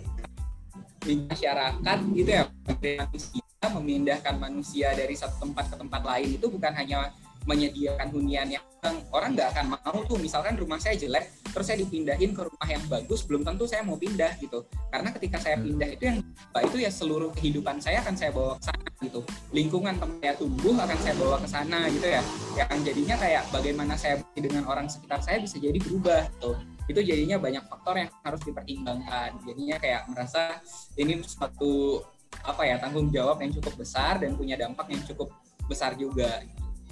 Wah, nah ini dia ya teman-teman. Nah itulah berarti tugas yang sedang diemban sama Aldo yang menjadi sebuah kehormatan besar ya diamanahi sama negara lah kalau saya bisa bilang dan itu untuk PMKS bukan dok? Bukan ya, bukan PMKS dong. Hmm, PMKS apa sih kan? Malah nanya. Menyandang masalah kesejahteraan sosial. Enggak sih Kang sebenarnya. Enggak ya? Karena yang namanya kawasan kumuh itu kan suatu wilayah Kang. Jadi di wilayah kumuh itu bisa jadi emang ada orang-orang yang mampu juga sebenarnya. Tapi emang Oh kan ada. ya karena emang posisi rumahnya itu lingkungannya nggak layak aja karena misalkan jalannya itu nggak nggak apa ya nggak bisa masuk buat pemadam kebakaran contohnya atau misalkan tingkat kekumuhannya kayak sampah permasalahan sampah atau permasalahan lingkungan lingkungan juga berpengaruh gitu jadi emang yang harus dipindahin itu ya satu kawasan yang mungkin bisa jadi itu nggak nggak semuanya adalah orang-orang yang punya masalah dengan kesejahteraan sosial Menarik, menarik, menarik, menarik. Oke. Oke, oke, oke, oke. Nah, itu dulu ya, eh, dulu sampai tujuh dulu. Nah, tadi ada yang aku bulat-bulatin mau aku bahas, tapi kayaknya waktunya nggak cukup. Kita lanjut ke tanya jawab saja. Oke. Teman-teman silahkan ya yang mau nanya. Udah ada, udah banyak deh yang nanya. Oke, mana nih? Dari Kang Akbar dulu ya. Kita bahas. Tujuh poin teratas apakah bisa bertolak belakang? Misalnya bakat sebagai relator juga individual citizen, apakah bisa dijelaskan? Atau sama halnya bakat empati dan belief, di mana empati bahkan sangat kuat sebaliknya belief yang sangat lemah. Nah, jadi guys, teman-teman, bakat ini tuh tidak ada patokan kalau misalkan gini aja nih Aldo ya, relator sama komen, empati sama komen itu bisa bisa di mana pun si, si eh, bakat itu bisa di mana pun itu ya. Eh, oleh karena itulah yang membuat kita tuh unik. Itulah yang membuat kita ini spesial. Itulah yang membuat kita ini berbeda dengan orang lain. Sehingga eh, keunikan kita tuh bisa sampai ke poin-poin yang sekiranya kita anggap itu tuh ideal. Kayaknya kayak misalkan ya belief sama empati tuh kayaknya ideal deh. Eh, empati dia merasa eh, kasihan sama orang terus dia bantu itu ideal deh. Iya tapi ada juga loh teman-teman saya menemukan empati tinggi belief rendah. Sedih doang nggak mau bantu bukan nggak mau bantu. Semangat untuk membantunya itu kecil ada gitu loh. Ada nggak belief tinggi empati rendah? Ada. Dia bantu tapi dia tidak tidak merasakan perasaan orang yang dibantu. Bayangin volunteer volunteer di ini volunteer volunteer eh, bencana alam. Bayangin. Semangat tuh ngebantu. Bayangin kalau misalnya empati mereka tinggi mereka tuh ngebantu sambil nangis kayak nggak kuat gitu loh bayangin kalau ng ngangkat jenazah segala macam bayangkan Nah, hal itu itu terjadi dan ada orang-orang seperti itu tuh, gitu loh. Jadi, nah inilah ya, mungkin sudut pandang kita tuh seakan-akan ya yang ideal tuh seperti ini, yang ideal tuh seperti itu, gitu ya. Tapi kalau orangnya tidak seperti itu bukan berarti aneh gitu loh. Ya memang karakter yang fi asani yang Allah berikan kepada kita seperti itu. Gitu ya. Jadi bisa itu bisa bisa banget terjadi. Oke. Lanjut ini ada nggak ada yang nanya tentang Aldo nih. Aku juga suka nutut kejelasan kak tapi bakat komenku nomor 17 itu artinya lemah kak atau ada bakat lain? Nah gini. Eh, menuntut kejelasan itu jadi gini gimana ya? Misalkan aku aku bantu orang misalkan atau Aldo. Tadi loh Aldo bantu eh, goalsnya tuh ingin bermanfaat kan? ingin bermanfaat pada orang banyak ultimate goalsnya. Sehingga banyak orang yang e, merasakan kebermanfaatan tersebut. Kita lihat beliefnya nomor berapa. Nah berarti dorongan terbesar dia untuk nolong orang tuh bukan dari belief. Gitu loh. Dari apa dok kira-kira? Bakat bakat kamu yang mana yang mendorong kamu tuh ingin bermanfaat bagi orang banyak? Empati kayaknya sih. Empati ya tuh. Seperti itu empati. Karena macam bisa jadi seperti itu ya atau karena tadi di- disebutkan tentang eh, apa ya kebermanfaatan yang luas segala macam bisa jadi dari connectedness karena kita dimaknainya segala itu ada sebab akibatnya gitu. Nah mungkin saya seperti ini sekarang dulu seperti apa nah mungkin bisa ada korelasi ke sana gitu teman-teman ya. Nah teh puspa bisa lihat ini yang lain apa? Yang bisa dikira-kira sama Teh Puspa? Apa sih yang suka yang membuat Teh Puspa itu mendorong Teh Puspa itu bahasan sama orang? Apakah fokus bakat fokus?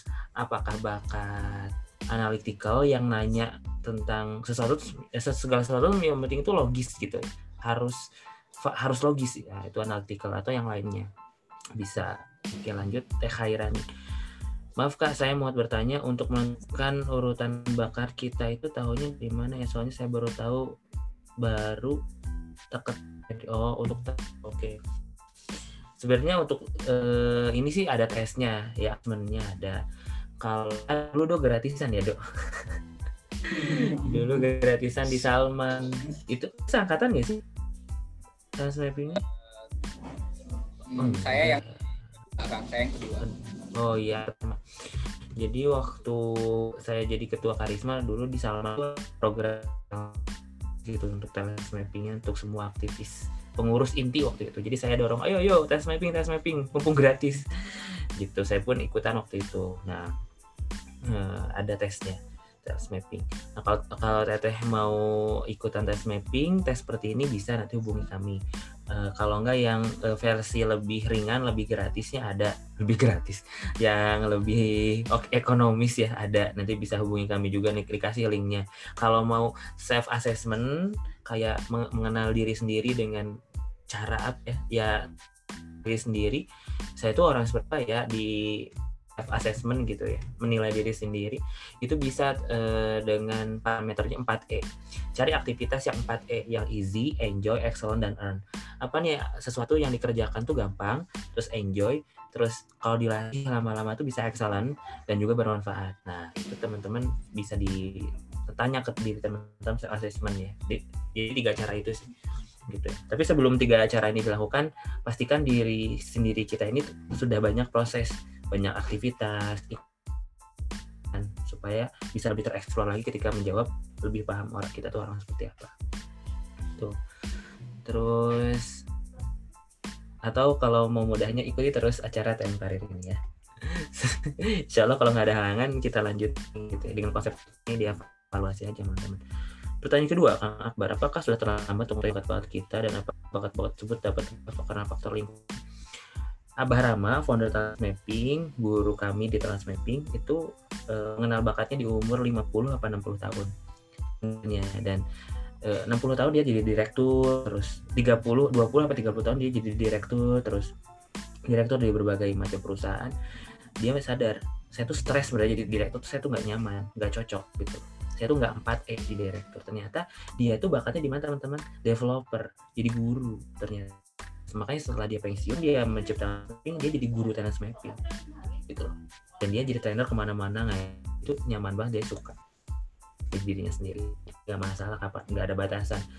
Mengenal diri sendiri itu hingga mati gitu. Karena untuk memaksimalkan potensi yang ada di diri kita untuk bermanfaat dan produktif dan beramal gitu ya. Terus bisa nggak sih bakat berubah karena faktor lingkungan bakat kita ini fitrah dari sononya do itu dari lahir tuh ada relator dari kecil tuh ada relator. Sejak lahir tuh diamanahi sama Allah dengan bakat relator ini supaya bermanfaat dengan bakatnya. Tapi yang bisa berubah itu bukan bakat kita tapi pengetahuan kita tentang diri kita. Makanya hasil tes kita tuh bisa berubah makanya saya bilang tadi dok kayaknya kamu perlu tes lagi karena bisa jadi selama di eh, kantor dia sekarang di consulting itu sudah banyak proses kehidupan pengetahuan dia tentang dia itu bisa bertambah juga. Oh, saya tuh sukanya di, di sini banget ternyata. Bisa jadi oh si ya, ideationnya naik, learnernya naik, oh komennya turun gitu. Itu tuh semakin lama kita semakin kita tuh matang gitu loh. Apa yang mat- bukan bakat yang matang, pengetahuan kita tentang diri kita yang matang. Gitu ya. Lanjut. Kang kalau learnernya tinggi tapi akhirnya chaos tidak mampu menggeluti yang dipelajari, solusi untuk mengendalinya apa ya Kang? Nah, sederhananya balikin lagi ke tujuan akhir kita apa makanya tadi kayak Aldo tuh Aldo tuh udah ideal tadi ideal nggak salah salah Aldo tuh udah bagus tadi dia menyikapinya dia dia tuh learnernya itu digunakan untuk bukan bagus ya emang karena memang urutan bakatnya karena emang karena Aldo seperti ini. Dia eh, komen ada learner jadi segala macam yang dia pelajari hal baru tuh perlu perlu jelas gitu untuk apa gitu loh. Makanya kalau kalau kita tidak bukan orang yang komen bukan orang yang fokus gimana caranya? Balikin lagi ke tujuan akhir kita. Kita tuh mau jadi apa? Terus yang kita pelajari ini tuh ada ada hubungannya apa enggak oke mau pelajari hal baru oke boleh. Seneng gitu ya. Tapi kalau bisa relatein gitu. Sambung-sambungin jadi puzzle gitu. Biar nanti tujuan akhir kita tercapai learner kita terpenuhi kebutuhannya dan tetap kita dalam kondisi menjadi diri sendiri. Apalagi tiba-tiba nyemplung ke sesuatu yang butuh kurun waktu lama seperti dua yaitu dia. S2 nya ini dengan akhir kita kerja kita misalkan ih di sini setahun dua tahun aja deh e, buat belajar. Tapi baik lagi ke tujuan akhir kita mau yang ideal tuh di mana? Yang kita ingin inginkan yang sesuai dengan diri kita gitu ya. Bagaimana mengasah bakat learner sedangkan kita sudah terbiasa diatur dalam lingkup yang sama terus menerus jadi learner itu eh, sederhana kita mempelajari hal baru misalkan baca ya. Bukan hanya menguasai di workshop terus kita bisa skill apa enggak. Baca itu seneng learner tuh bisa dengan baca. Mempelajari hal baru gitu nanya misalkan aku ke Aldo aku ada learnernya juga. Aku pengen tahu konsultan konsultan tuh kayak gimana sih dok? Ngobrol tuh udah learner oh jadi tahu hal baru gitu jadi terpenuhi sesederhana itu. Ya nggak dok? Kang Isal. Ya ya teh? Coba jawabannya ini dari sudut pandang Aldo coba yang pertanyaan ini. Iya ini mau ditanyain. Coba coba. yang yang mana? Yang pertanyaan mana? Aduh ada teh Evi, eh saya jadi takut. Lah, kok takut? Marahin teh Evi, marahin, ya? marahin, marahin, marahin aja teh. Empatinya tinggi ya? loh, dok. ya, teh Evi empatinya tinggi loh, ba banget, gitu. baik banget. iya sih, kayaknya ya teh. Fokusnya tapi lebih tinggi. yang mana nih yang mengasah bakat learner ya? Iya, uh, kalau dari saya pribadi sih sebenarnya uh, kan yang namanya belajar itu bisa dari mana pun, bisa kapan pun, dan bisa dari siapa pun ya. Jadi kayak emang biasanya bisa belajar sesuatu hal yang baru tuh ya bisa banyak kondisi gitu. Misalkan saya saya pribadi tuh hobinya kayak baca komik gitu ya, misalkan baca komik One Piece gitu. Ternyata di komik One Piece itu banyak sekali hal-hal yang bisa digali. Bagaimana mereka bisa mengembangkan suatu itu kan imajinasi terus terkait dengan teknologi-teknologi atau terkait dengan kemampuan-kemampuan tertentu dari karakter-karakter yang ada di kartunnya misalkan kayak gitu ya. Itu juga bisa menjadi sesuatu hal yang baru dan akhirnya kayak itu tuh kayak senang aja belajar hal itu Terus atau misalkan kayak saya tipikalnya senang nonton film. Nah dari nonton film itu juga banyak hal yang bisa diambil gitu. Jadi sebenarnya gimana mengasah learner itu ya dari dari apa ya? Dari mana pun sebenarnya bisa dari menggeluti segala sesuatu yang emang kayak jadi rutinitas yang santai juga kita bisa belajar sesuatu kayak gitu sih menurut saya.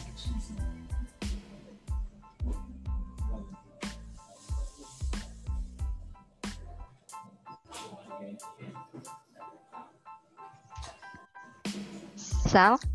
Kenapa dia tiba-tiba ya, menghilang? Ada, ada, aku ada. Kan lagi ngobrol Tete sama Aldo. Jadi aku eh, matiin. Parah banget.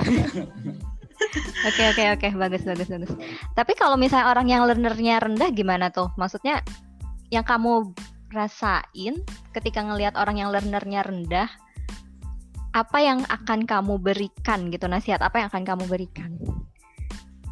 Kalau menurut saya sih sebenarnya orang yang learnernya rendah harus menemukan tujuannya dulu sih kenapa dia harus belajar hal jadi ketika dia tahu tujuan dan manfaat dia mempelajari hal itu harusnya dia punya motivasi lebih untuk mencoba mempelajari hal tersebut gitu sih.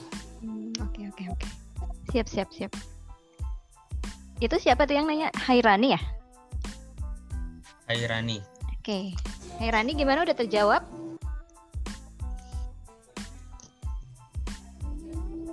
Nggak ada suaranya. Lanjut aja deh. Oke, makasih Aldo. Sama-sama Teh Evi. Eh suara aku mending kayak gini.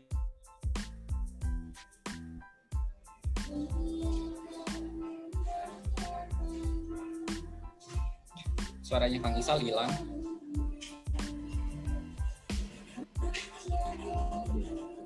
Soal kamu ngapain?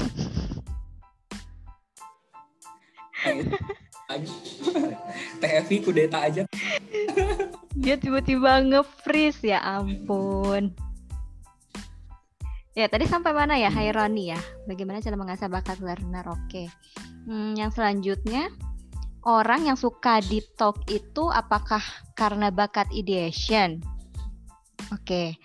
Uh, sebenarnya kalau deep talk itu ada dua ya bakat deep talk itu. Kamu ada bakat ini nggak intellection nggak dok?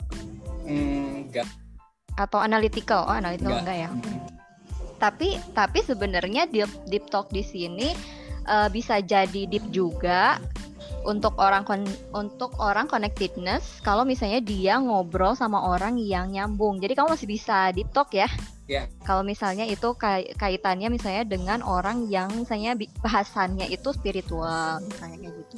Tapi sebenarnya deep talk deep talk itu kan ngobrol ya. Kalau deep thinking itu beda lagi. Kalau deep thinking itu dilihatnya dari analytical, dari intellection. Nah, itu adalah dua bakat yang bikin seseorang itu kalau mikir tuh eh, dalam banget. Nah, kalau deep talk itu beda lagi bisa jadi relatornya juga bikin orang itu jadi deep talk. Empati juga bikin seseorang itu jadi deep juga kalau ngobrol. Kamu gimana tuh rasanya ada empati dan relator menyatu? Itu tuh kayaknya eh berat untuk dilepas gitu ya. Benar, benar. Jadi kalau ngobrol tuh bisa semalaman. Betul, betul. Biasanya saya kalau emang udah lama nggak ngobrol sama orangnya itu bisa menyediakan waktu sampai pagi.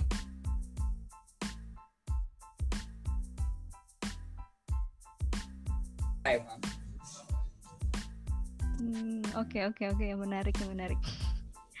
Oke gitu ya. Jadi untuk bahasan deep talk. Oke Isa mau lanjut? Halo Isa. Kang Isal mute, Kang.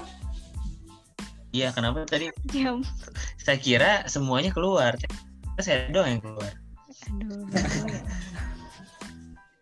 Ini di share screen lagi. Tadi Apa? Tadi yang deep talk udah dijawab. Udah kan sama Teteh tadi. Sekarang yang eh Aku hilang eh, chatnya boleh dibacain. dari Rian masih dari Rian. Eh, Rian ini katanya beliefnya tinggi, empatinya rendah. Apa ini? Pertanyaan. Bang Aldo sering ragu-ragu gitu kah buat memulai karena self assurance-nya rendah atau enggak? Oh bisa jadi dibantu dengan analytical ya Kang. Oke, gimana Kang Aldo? Eh, iya sih, saya tipikalnya emang agak agak nggak percaya diri gitu ya dalam mengambil sebuah keputusan. Biasanya untuk saya bisa mengeluarkan suatu keputusan itu saya butuh diskusi dulu. Biasanya saya akan konfirmasi dulu ke beberapa orang yang menurut saya saya percaya gitu ya. Akhirnya baru saya bisa kayak pede gitu untuk mengeluarkan sesuatu keputusan kayak gitu sih biasanya. Hmm, oke oke oke. Karena ya self assurance-nya agak di bawah ya, betul. Terus kamu kalau tampil itu harus didorong-dorong dulu sama orang ya? ya kamu bisa, kamu bisa. Eh, biasanya sih kayak kayak gitu ya teh ya kayak saya harus benar yakin dulu nih harus tahu dulu benar-benar harus tahu dulu kondisinya kayak gimana terus harus diyakinkan dulu emang audiensnya sesuai aja tepat aja gitu. Tevi, Tevi, sebe Aldo ini dua kali kan pelantikan karisma itu di periode dia. Satu hari sebelum Hmm. pelantikan rumah. Kenapa? Ke, ru- ke rumah aku nanya ini harus saya harus sambutannya harus apa ya kak? Nanti sambutan ketumnya harus apa? Kan kamu ketumnya, kamu tahu ya kamu ngomong-ngomong. Dia tuh tahu mau ngomong apa di breakdown bareng-bareng. Hanya Aduh, ya butuh semangat. Oke do siap. Tap. Nah, gitu Aldo. Aldo nih gimana ya? Makanya tuh konflik batin banget berasa ya. Udah satu satu sisi tuh kayak dependent sama orang gitu kan, nanya konfirmasi, nanya nanya lagi. Tapi satu sisi kak ekspresi kamu kalau ke orang lain tuh berusaha menutupi itu, apalagi kalau misalnya di bawah kamu nih. Kayaknya tuh kamu tuh berusaha untuk tampil aku tuh bisa bisa ini loh, bisa tegas gitu loh. Ya betul betul. Tapi sebenarnya kamu nggak tegas-tegas banget konsistensi kamu di agak di bawah kan. Jadi kamu tuh kalau mau tegas juga kadang-kadang kayak tarik mundur tarik mundur gitu. Hmm, betul betul. Biasanya tegasnya tuh tegasnya tuh di mulutnya doang gitu loh. Hatinya tuh setelah Aduh. menegaskan orang langsung auto nangis aduh kang gimana lalu gitu Bener banget. iya iya iya. sih teh emang kayak apa ya harus menempatkan diri juga sih sebenarnya emang nggak nggak setegas itu banget ya di belakang aja gitu Oke oke oke. Iya iya. Bagus lah, tapi kamu masih bisa direct sih kalau ngomong seenggaknya itu. Nggak terlalu banyak Komennya basa-basi. Oh tapi ada Komennya communication sebenarnya iya. Maksudnya tuh masih Iya. ada communication. Jadi kalau misalnya bawel terus kamu lagi marah terus kamu bawel tuh keluar tuh semuanya. hmm, communication komen Empati. empati mana strategi itu bisa. juga statik nggak deng statik nggak ada hubungan Tapi untung ada ada connectedness ya, jadi terurai lah ya. Lumayan. legowo terurai betul betul bagus ya bahasanya terurai kayak sampah nah apalagi teh pertanyaan teh Ini terakhir kayaknya ya. Ada lagi kah? Oh, oh aku nggak bisa geser ke bawah. Coba dulu.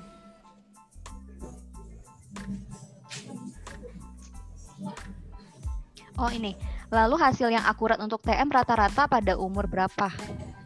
Atau udah mengenal diri jauh atau udah mengenal dirinya sejauh mana Kang katanya? akan teh Evi dijawab Loh, loh, loh. Nanyanya ke Akang loh ini tulisannya.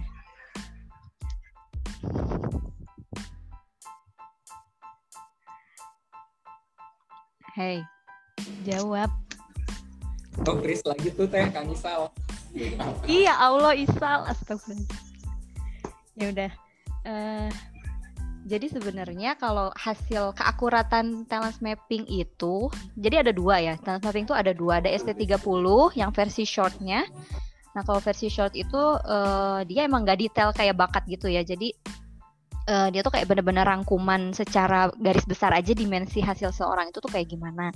Nah itu tuh eh, akurasinya cuman sekitar maksimal 60% gitu loh.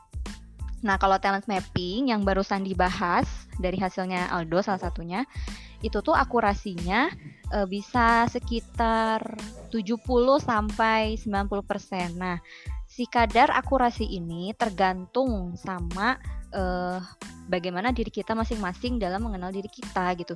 Karena kan ini sistemnya self report ya. Self report itu artinya kita yang melaporkan tentang kondisi diri kita masing-masing. Artinya hasil yang didapatkan adalah ya hasil kamu mengisi gitu. Jadi apa yang kamu tahu tentang diri kamu itu direpresentasikan dengan hasil tes talent mapping. Nah, eh, apakah eh, di sini di sini kan ditulisin akurasi tadi ya udah udah terjawab. Rata-rata pada umur berapa? Nah, sebenarnya rata-rata bagusnya sih akan lebih settle di usia eh, kuliah ya. Kalau misalnya kuliah kan sekitar usia kuliah akhir lah ya, sekitar 21 sampai 25 itu awal-awal untuk bisa kita benar-benar eh, mulai paham diri kita tuh kayak gimana. Eh, lebih bagus lagi kalau misalnya nanti udah kerja misalnya akan lebih tergambar lagi biasanya. Kalau di usia sekitar 26 sampai 30 tuh kan biasanya udah ada pengalaman kerja ya itu lebih bagus lagi. Tapi nggak nggak ada salahnya juga kalau kita coba di usia SMA dan juga hmm, kuliah. Bahkan SMP pun bisa. Nah, kalau yang SMP ini memang eh, catatan ya karena nggak semua orang itu bisa paham, bisa paham dengan istilah-istilah eh, talent mapping. Nah, biasanya anak-anak yang SMP yang bisa paham istilah-istilah talent mapping yang yang tertarik dan bisa menjawab eh, dirinya itu dengan baik, itu tuh perlu bakat-bakat tertentu gitu. Jadi anak-anak yang memang kalau kita lihat bakatnya tadi salah satunya yang dijelasin Aldo itu ada bakat individualization. Orang yang berbakat individualization itu dari sejak kecil dia pasti punya ketertarikan untuk mengenal dirinya. Kalau misalnya dia belum sampai tahap SMA pun dia tuh seneng banget baca buku-buku pengembangan diri. Nah ini salah satunya eh, adik aku tuh kayak gini bakatnya. Jadi dia tuh masih SD, masih SMP aja baca bukunya tuh baca buku psikologi gitu. Jadi dia tuh tertarik ternyata untuk tahu dirinya tuh kayak gimana, terus kayak tertarik dengan eh, intrapersonal kan yang dibahas di sini gitu. Jadi kemampuan dia dalam mengenal dirinya sendiri. gitu. Jadi relatif ya. Oke, itu. Halo Isal, udah masuk kah? Masih belum? halo ya udah masuk Oke. sorry nih oke udah semuanya teh jawab Masih ada satu lagi. Yang terakhir mangga. masuk atau gimana apa pertanyaan Tadi masih terkait self assurance, mau menanggapi parameter apa yang buat Bang Aldo yakin setelah menanyakan ke orang-orang? Makasih. ya silahkan Aldo Waduh, sebenarnya ini eh, parameternya nggak ada parameternya sih. Ini parameternya lebih ke orangnya aja. Jadi saya emang menentukan orang yang menurut saya itu bisa dipercaya aja dalam bidang hal-hal yang harusnya saya putuskan. Contohnya misalkan kayak case tadi ya, misalkan kayak harus eh, apa gitu ya kayak pelantikan karisma. Misalkan saya harus harus apa sih harus orasi gitu ya di pelantikan. Nah terkait dengan teks orasinya, padahal saya udah bikin nih gitu. Tapi tetap aja saya butuh approval aja dari orang yang emang udah udah pernah gitu ya. Jadi emang yang saya rasa bisa saya percaya aja. Tinggal bilang nge-okein aja apa yang udah saya kerjain gitu, baru oke okay, gitu. Saya maju kayak gitu biasanya. Jadi parameternya lebih ke orangnya aja sih sebenarnya AI kayak orang yang bisa saya percaya atau yang kedua emang orang yang punya pengalaman di bidang itu kayak gitu. itu relator dan individualization ya akhirnya. Betul betul. Berhasil lagi sip ya. Oke. Punten ya tadi e, masuk keluar tapi ya, makasih Tevi udah handling juga barusan. Teman-teman ada yang mau bertanya lagi? Tidak ada ya. Jika tidak, ini udah mau jam 9 juga. Aldo boleh dong uh, posting statement. Tapi apa ya? Yang berkaitan dengan talent mapping atau dengan bakat-bakat kamu ada nggak yang kamu mau sampaikan itu di sini? Hmm, menurut saya sebenarnya intinya sebenarnya adalah bagaimana kita bisa mengenal diri kita sendiri ya menurut saya. Jadi ketika kita bisa memahami baik, akhirnya kita bisa memanfaatkan bakat-bakat kita itu ke arah yang sesuai gitu untuk mengembangkan diri kita sendiri juga karena sebenarnya kayak kalau seandainya satu hal yang mungkin tidak kita sukai atau kita tidak senang dengan hal itu akhirnya itu akan menjadi beban juga. Bisa jadi beban pikiran atau bisa jadi juga banyak hal yang akhirnya kita tuh kesulitan dalam mengerjakan itu. Kalau itu tidak sesuai dengan kemampuan kita. Makanya poin pentingnya adalah ya ini adalah diri kita. Jadi kita yang harus paling bisa memahami karakter diri kita sendiri. Sehingga kita tahu bisa membawa diri kita itu ke arah mana. Gitu sih betul betul. Dan cara mengenal diri itu banyak ya eh, dengan cara apa pun. Dan salah satu yang paling mudah itu adalah dengan memperbanyak proses hidup ya teman-teman. Banyak aktivitas. Minimal kita tahu mana yang kita sukai dan gak kita sukai. Talent mapping itu membantu membahasakan uh, apa yang teman-teman rasakan gitu kan. Jadi kan tahu oh Aldo tuh relator gitu bahasanya. Oh Aldo tuh gitu kan bahasa learner nah seperti itu. Oke teman-teman semua sudah nemenin belajar bareng ya. Udah jam 9 pada malam hari ini. Konsul Aldo juga alhamdulillah. Jadi teman-teman boleh ya kalau misalkan mau Kang saya mau dan segala macam boleh nanti sampaikannya di grup atau ke saya ke TFV atau ke, ke Teh Nelly ya. E, buat di bedah bakatnya di segmen bedah bakat ini gitu. Oke sebelum tutup boleh kita foto bareng dulu. Mangga kita sesi silaturahmi kita dibuka ininya guys. Apa? Namanya teh? Close. Nah si videonya ya Anissa Yusni Ai Akbar Zulfa Dil Dewi Fuad Hasan. Aldo pasti saya yakin di kafe nggak sendirian ya. Pasti sama teman nggak tahu sama siapa. Ya malam minggu kan masa sendirian? Oke oke oke. Udah nih saya hitung lima mundur ya. Uh, buat teman silahkan dibuka uh, videonya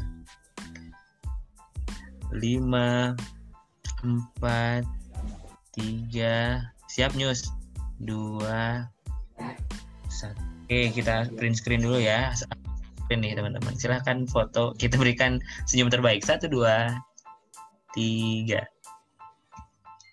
Oke, ganti gaya dong guys. Ganti gaya dong guys. Satu, dua, tiga. Siap. Kasih guys. Kasih teman-teman ya. Sudah nemenin. Kita tutup dengan bersama baca Alhamdulillah. Dan majid ilaha illa baik sampai jumpa di bedah bakal selanjutnya makasih teman-teman ya sebarluaskan boleh kebaikan hari ini untuk teman-teman yang lain semoga bedah bakal selanjutnya bisa lebih maksimal dengan uh, potensi-potensi yang lainnya ya dan bisa menyebarluaskan Indonesia secara barat lebih luas lagi saya Faisal Muhammad Syari Alwi undur diri. Wassalamualaikum warahmatullahi wabarakatuh. Siap, Hasan. Makasih Do ya. Yuk, yuk. Makasih Aldo. Oh, makasih. Makasih Teh Happy. Terima kasih teman-teman.